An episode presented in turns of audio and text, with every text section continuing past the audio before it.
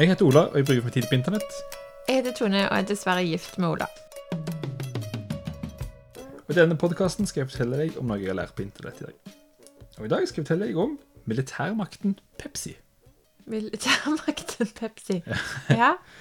Dette jeg hørte på en annen podkast som heter Rekommandert, som er fantastisk bra.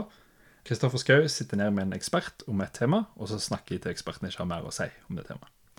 Denne episoden handler om Russland, og han fyren forteller masse om Russland.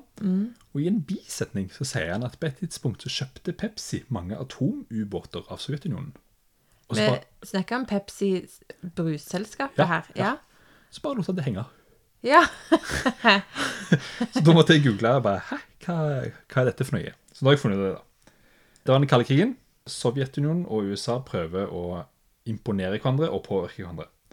Så de har begge utstillinger, forskjellige sånne show og kulturshow og sånt i hverandres land.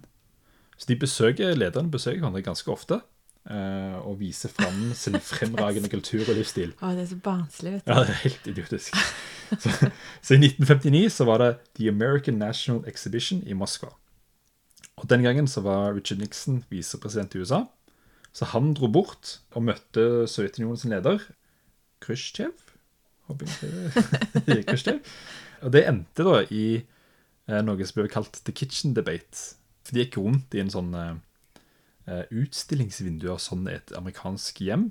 Og så er de sånne eh, hissigpropper begge to, så de begynte å krangle spontant om hvem sin livsstil som er best.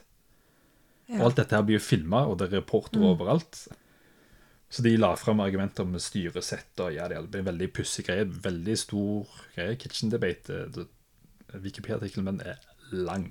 Om, Ja, eh, men for selv om det høres vanskelig ut, på dette tidspunktet så snakker de jo i hvert fall sammen. da. Ja, de snakker mer sammen, enn det ja. vi klarer nå. Nå er Ja. det jo sånn hissige ja, ja. kommentar. Og de besøker hverandre og er vennlige. og De, de, de inviterer jo inn til å komme og vise oss din livsstil. En slags dialog. Ja, en slags i hvert fall. Men det, det ble liksom veldig hissig stemning da, på denne kitchen debate. Det ble sendt på TV. det ble en Stor greie. Ja.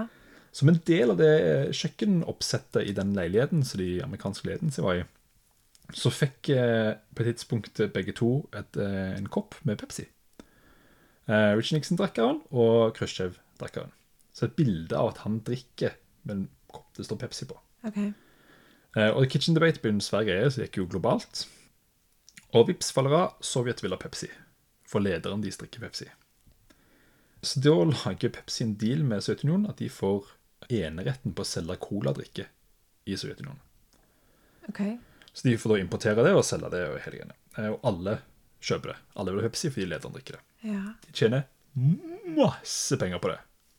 Problemet er at pengene de tjener, er rubler, og rubler er ikke verdt en dritt utenfor Sovjetunionen. Ah. Så de finner ut at vi vil ikke ha penger her, det får vi ikke brukt. Eh, Så i stedet så bytter de Pepsi mot hva Sovjet å tilby? Oh, ja. Vodka. Wow. Så de bytter Pepsi og vodka. Og det funker kjempebra. Da får Pepsi eneretten på å importere vodka fra Russland til USA, og selger den i USA og tjener penger.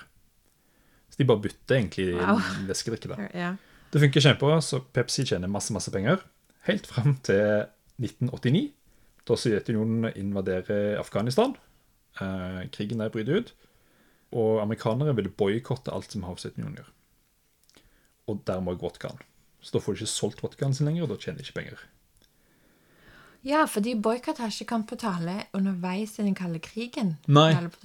De ville ha den russiske vodkaen. Ja. Ja, Mm. Jeg visste ikke dette. Men da måtte Pepsi reforhandle, for nå, de får ikke solgt vodkaen lenger. Eh, Så har Sovjet å tilby? De er verdens største her. ja. Så da bytta de Pepsi mot militærfartøy. Eh, Spesielt.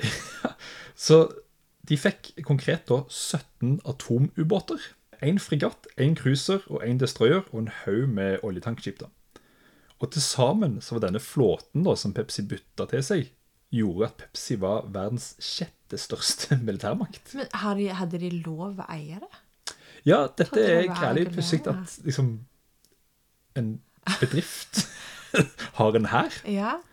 Men Pepsi var aldri interessert i den krigskompetansen. Nei, nei, nei. For det de bytta for, var at disse båtene var gamle, men de er jo fortsatt, det er jo, atomubåter har jo atomreaktorer i seg. Eh, og de er jo ikke så lette å bli kvitt. Nei, du må jo håndtere det på en måte. Men alt annet av materialer på disse båtene var veldig enkelt eh, å resirkulere og kan selges i biter. Så Pepsi sin plan var å bytte til seg en hær og demontere den og selge den. Først en flåte sånn her, og så demontere. Ja. Ok.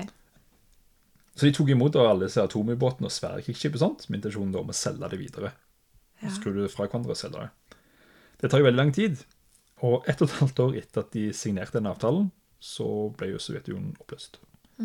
Så alle disse eh, båtene og ubåtene, de var jo før i Sovjetunionen. Nå er de i, bokstavelig talt, 15 forskjellige land. Ja. For unionen er jo oppløst. Ja. Eh, så nå er det plutselig veldig vanskelig Nå må de forhandle med 15 forskjellige land. Eh, og det gjør at de nesten gir opp sånn halvveis. De får solgt noen tilbake, og noe sånt, og så bare fisler det ut i ingenting. Men på et tidspunkt da, så var Pepsi verdens sjette største militærmakt.